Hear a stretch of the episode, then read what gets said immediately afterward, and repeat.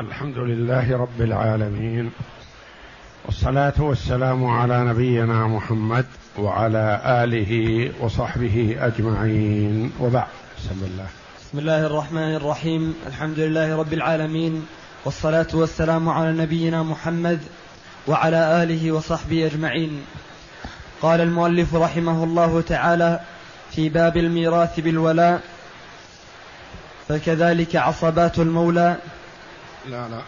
ولا يرث النساء ولا يرث النساء من الولاء إلا ما أعتقن أو أعتق من أعتقن. وعن أبي عبد الله رواية أخرى في بنت المعتق خاصة أنها ترث لما روي عن, عن النبي صلى الله عليه وسلم أنه ورث بنت حمزة من الذي أعتقه حمزة. والصحيح أنها لا ترث وأنها هي المعتقة للمولى. كما روى عبد الله بن عبد الله كما روى عبد الله بن شداد فيما تقدم. يقول المؤلف رحمه الله تعالى في الميراث في الولاء ولا يرث النساء بالولاء إلا من أعتقن أو أعتقه من أعتقن. من المعلوم أن الولاء عصبة وعصوبة يرث به المعتق وعصبته المتعصبون بأنفسهم لا بغيرهم ولا مع غيرهم. ما معنى هذا الكلام؟ الولاء عصبة يعني هلك هالك ما خلفه إلا سيده الذي اعتقه. إنه عاصب يرث. يرث ماله كله. هلك هالك عن بنت ومعتق. للبنت النصف والمعتق له الباقي. هلك هالك عن جده ومعتق. للجدة السدس والباقي للمعتق. هلك هالك عن أخ لأم للأخ لأم السدس والباقي للمعتق اللي له الولاية. هلك هالك عن أم ومعتق للأم الثلث والباقي للمعتق وهكذا. هلك هالك عن أم وابن معتق وبنت معتق. هلك هالك عن أم وابن معتق وبنت معتق. نقول للأم لها الثلث. حصل من ثلاثة. ولابن المعتق الباقي دون أخته لأن البنات لا يرثن من المولى.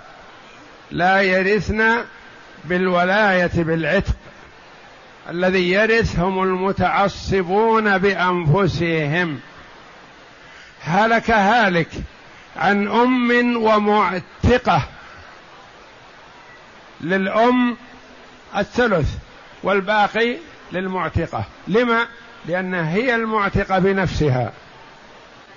هلك هالك عن أم وابن ابن معتق وابن معتق. للأم الثلث واحد والباقي لابن المعتق دون ابن ابن المعتق. لكن النساء لا يشاركن إخوانهن. هلك هالك عن أخ شقيق للمعتق. المعتقة أخ شقيق وأخت شقيقة. المال لأخ المعتق الشقيق وليس لأخت المعتق الشقيقة شيء لأنها لا ترث بالعصبة. ولا يرث بالنساء لا يرث النساء من الولاء إلا من أعتقنا إذا كانت هي أعتقت. أو أعتق من أعتقنا. اعتق من أعتقنا؟ هذه المرأة أعتقت رقيقا. ثم هذا الرقيق بعدما أصبح حر ملك رقيقا آخر. ومات الأول ومات الثاني بعده. من يرثه ما يوجد له إلا معتقة معتق. هذه المرأة معتقة معتق ترثه. لأنها ترث المعتق وترث كذلك من اعتقه المعتق المعتق يعني رقيقها اعتق رقيقا آخر فأصبحت ترث الاثنين. وعن أبي عبد الله أحمد بن حنبل رحمه الله رواية أخرى في بنت المعتق خاصة. يقول بنت المعتق ترث مع ابن المعتق خاصة. دون أخت المعتق ودون غيرها من النساء بنت المعتق خاصة ترث. لما يرحمك الله؟ يقول لأنه رؤيا أن النبي صلى الله عليه وسلم أعطى بنت حمزة الباقي بعد بن بعد نصيب الوارث لأن حمزة أعتق رقيقا. يقال الصحيح أن المعتقة هي بنت حمزة وليس حمزة فهي ترثه لكونها أعتقته هي ولم يكن المعتق أبوها حمزة رضي الله عنهما وإنما الذي أعتقته البنت فهي ترثه. وهذا الصحيح أن أن المعتق هو بنت حمزة كما روى عبد الله بن شداد الحديث المتقدم الذي تقدم في الصفحة قبل هذا. يقول لما روى بعد السطر الأول من باب ميراث بالولاء لما روى عبد الله بن شداد قال اعتقت ابنة حمزة مولى لها فمات وترك ابنته وابنة حمزة فأعطى النبي صلى الله عليه وسلم ابنته النصف ميراثا فرضا. وابنة حمزة الباقي النصف الآخر لكونها معتقة عصبة. نعم. ولا يرث منه ذو فرض إلا الأب والجد يرثان السدس مع الإبن وابنه لأنهما عصبة فقسم بينهما كما يقسم المال المعت كما يقسم مال المعتق بينهما. كما يقسم مال المعتق. كما يقسم غلط بعض النسخ ما أدري عاد مكرر عندكم في النسخ الأخرى. يقول ولا يرث منه ذو فرض إلا الأب والجد. يرثان السدس مع الإبن وابنه لأنهما عصبة فقسم بينهما. كما يقسم مال المعتق. عندي في النسخة كما يقسم مال المعتق. والكلام في مال المعتق الآن. لكن التشبيه كما يقسم مال المعتق المعتق إذا مات نفسه عن أبيه وابنه كيف يقسم ماله؟ يعطى الابن الباقي بعد السدس للأب. وستأتي مرة أخرى كذلك مكتوبها المعتق والصحيح أن المراد بها المعتق. لأنه شبه مال المعتق الذي الكلام فيه بمال المعتق نفسه عند قسمته.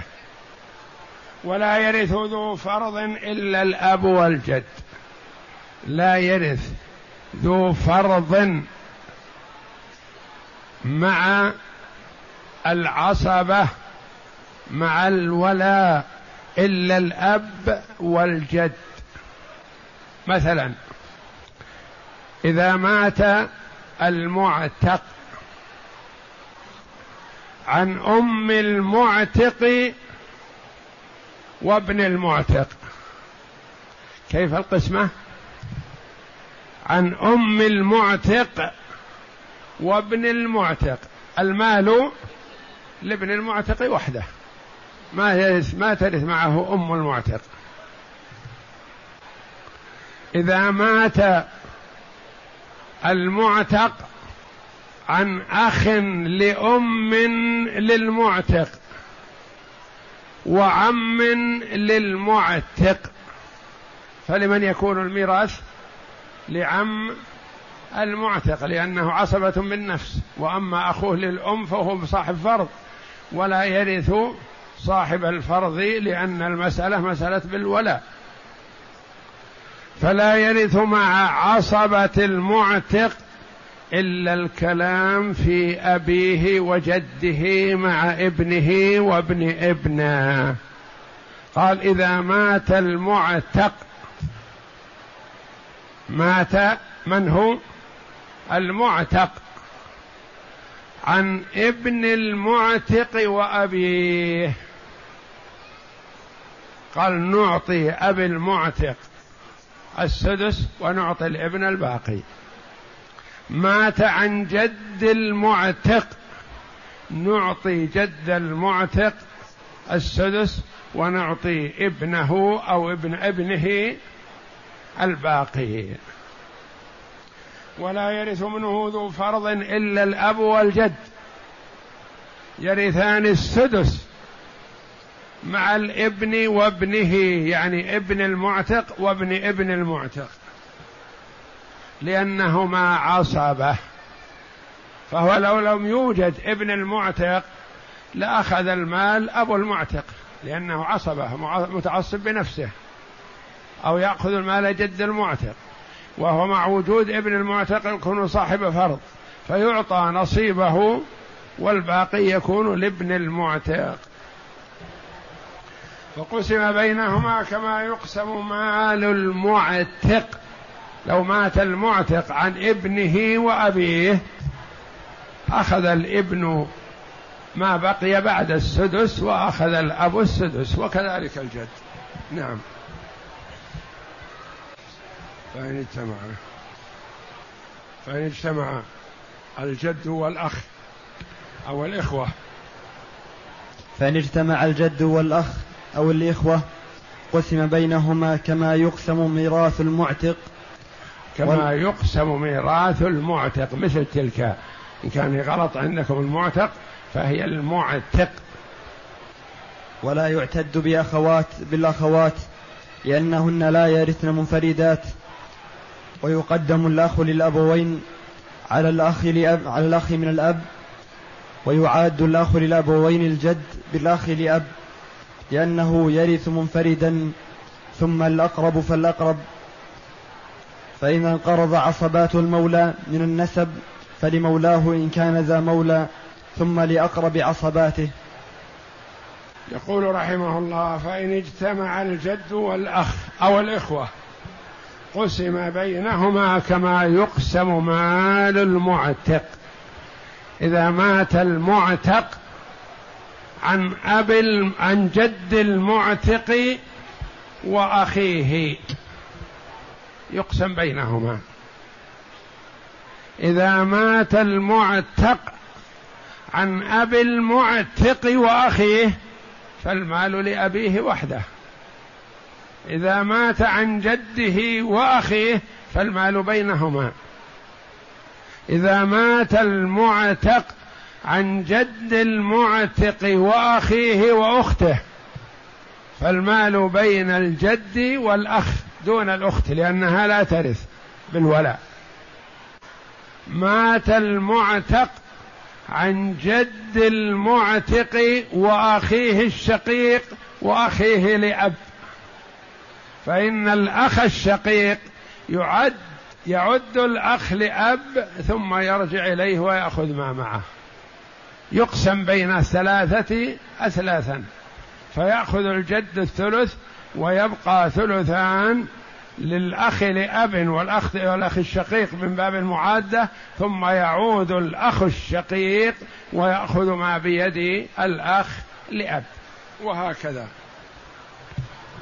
ويعاد الأخ للأبوين الجد من الأخ لأب لأنه يرث منفردا ولا يعد البنات ولا الأخوات لأنهن لا يرثن. تقدم لنا أن الأخ يعد الأخوات شقائق أو لأب يعدهن على الجد ثم يتراجعون فيما بينهم. لكن هنا ما تعد لأن أصلا غير وارثة. ثم الأقرب فالأقرب. فإن فإذا انقرض عصبات المولى. يعني هلك هالك عن معتق. المال للمعتق. ابن معتق. أخ معتق. عم معتق. المال له. ما وجد عصبة للمعتق. ننظر إن كان فيه مولا لهذا المولى. إن كان في معتق للمعتق بدأنا بهم بأولهم كما بدأنا بعصبة المعتق. فلمولاه إن كان ذا مولى يعني كان له أصل رق, رق ثم تحرر السيد فيرث عصبته. فإن انقرض عصبات المولى من النسب فلمولاه إن كان ذا مولى ثم الأقرب فالأقرب لأقرب عصباته وهكذا.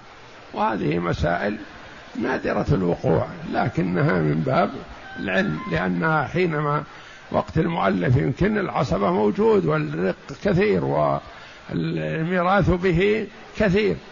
نعم. ولو اشترى رجل وأخته أباهما أو أخاهما فعتق عليهما ثم اشترى عبدا فأعتقه ثم مات أبوهما أو أخوهما ثم مات عتيقه فميراثه للرجل دون دون أخته. لأنه لا يرث بنسبه من لأنه يرث بنسبه من معتقه من معتقه ولا ترث النساء من الولاء بالنسب شيئا. ولو اشترى رجل وأخته أباهما. اشترك الإبن والبنت وجدوا أباهم يباع في السوق فاشتروه. بمجرد ما يشترونه ويتم التملك يكون حر. يعتق. من سيده؟ الأب ابنه وبنته. هم أسياده.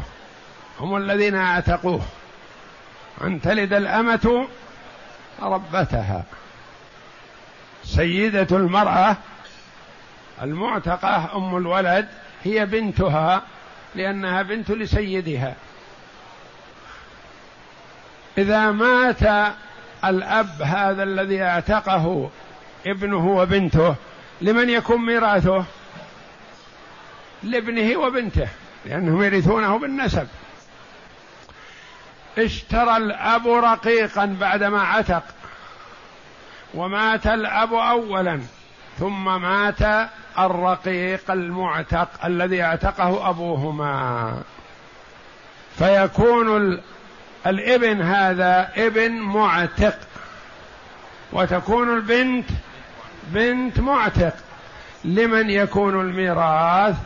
لابن المعتق فقط إلا على الرواية التي تقدمت رواية أخرى في بنت المعتق خاصة. والصحيح خلاف ذلك. فإذا أعتق الابن وأخته أباهما فيرثانه بماذا؟ بالولاء وأم بالنسب؟ بالنسب. أبوهما اشترى رقيقا واعتقه. ثم مات الأب أول. ثم مات الرقيق المعتق ثانيا. خلف مال. معتقه مات. من يرثه؟ عصبته. عصبته كلهم لا. عصبته المتعصبون بأنفسهم لا بغيرهم. فهذه يقول إنها مسألة فسئل عنها سبعين قاضيا فأخطأوا فيها. فميراثه للرجل يعني للابن دون أخته لأنه يرثه بنسبه من معتقه. ولا يرث النساء من الولاء بالنسب شيئا وإنما يرثن إذا أعتقنهن أو أعتقه من أعتقن. فصل. وإذا مات رجل عن ابنين ومولى فمات أحد الابنين بعده عن ابن ثم مات المولى فالميراث لابن المولى لأن الولاء للكبر. ومعناه أنه يرث به أقرب الناس إلى سيده يوم موت العبد وذلك لأن الولاء لحمة كلحمة النسب لا يورث وإنما يورث به من مع بقائه للمولى. فوجب أن يكون للكبر لأنه أقرب. ولو مات المعتق وخلف ابنين ومولى فمات أحدهما وخلف ابنا ومات الآخر وخلف تسعة ثم مات مولى ثم مات المولى. كان الولاء بينهم على عدده على عدده على عددهم لكل واحد عشره لما ذكرناه. وإذا مات رجل عن ابنين عن ابنين ومولى. يعني الرجل مات عن ابنين لمن يكون ميراثه. لابنيه. وله رقيق أعتقه هذا الرجل. ثم مات أحد الابنين وخلف ابنا. من يكون الموجود معنا الآن؟ ابن الرجل الأول وابن أخيه. ثم مات المولى الذي هو اعتقه الأب. مات المولى الذي اعتقه الأب. لمن يكون ميراثه؟ يكون ميراثه للابن وابن أخيه أم للابن فقط؟ للابن فقط. لأنه لو مات نفسه الأب عن ابن وابن ابن يكون ميراثه للابن. فكذلك الرقيق هذا المعتق اعتقه معتق. مات عن ابن المعتق وابن ابنه الآخر. فإنه يكون الميراث لابن المعتق لأنه أقرب أقرب وهو الكبر يعني الأكبر الأقدم. ومعناه أنه يرث به أقرب الناس إلى سيده. سيده لو مات السيد نفسه عن ابن وابن ابن من يكون يرثه؟ الابن فقط. إلى سيده يوم موت العبد. الرقيق اللي كان رقيق يعني ولا هو الان حر له ميرا يرثانه بالولاء. وذلك لأن الولاء لحمة كلحمة النسب لا يورث. يعني الإبن الذي مات أول ما يرث ابنه من الولاء لأن الولاء يرث به المرء حال موت من الموروث. وإنما يورث به مع بقائه للمولى فوجب أن يكون الكبر يعني للمتقدم منهم. لأنه أقرب أقرب إلى السيد الأصلي الأول. ولو مات المعتق وخلف ابنين ومولى فمات أحدهما وخلف ابنا ومات الآخر وخلف تسعة لمن يكون الميراث للعشرة. لأن التسعة ما يرثون نصيب أبيهم وإنما يرثون من جدهم. والواحد هذا ما يرث نصيب أبيه لأنه ما لأبيه نصيب وإنما يرث من جده. فإذا مات الجد مثلا عن تسعة أبناء ابن وعن ابن ابن واحد وحده. يقسم المال نصفين للتسعة نصف وللواحد نصف لا. وإنما يقال المجموعة العشرة كلهم ابن ابن فيرثونه على عدد رؤوسهم.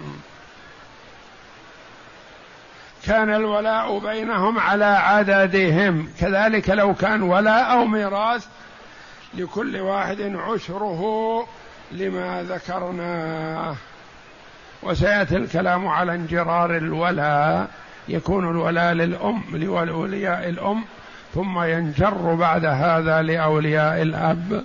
والله أعلم.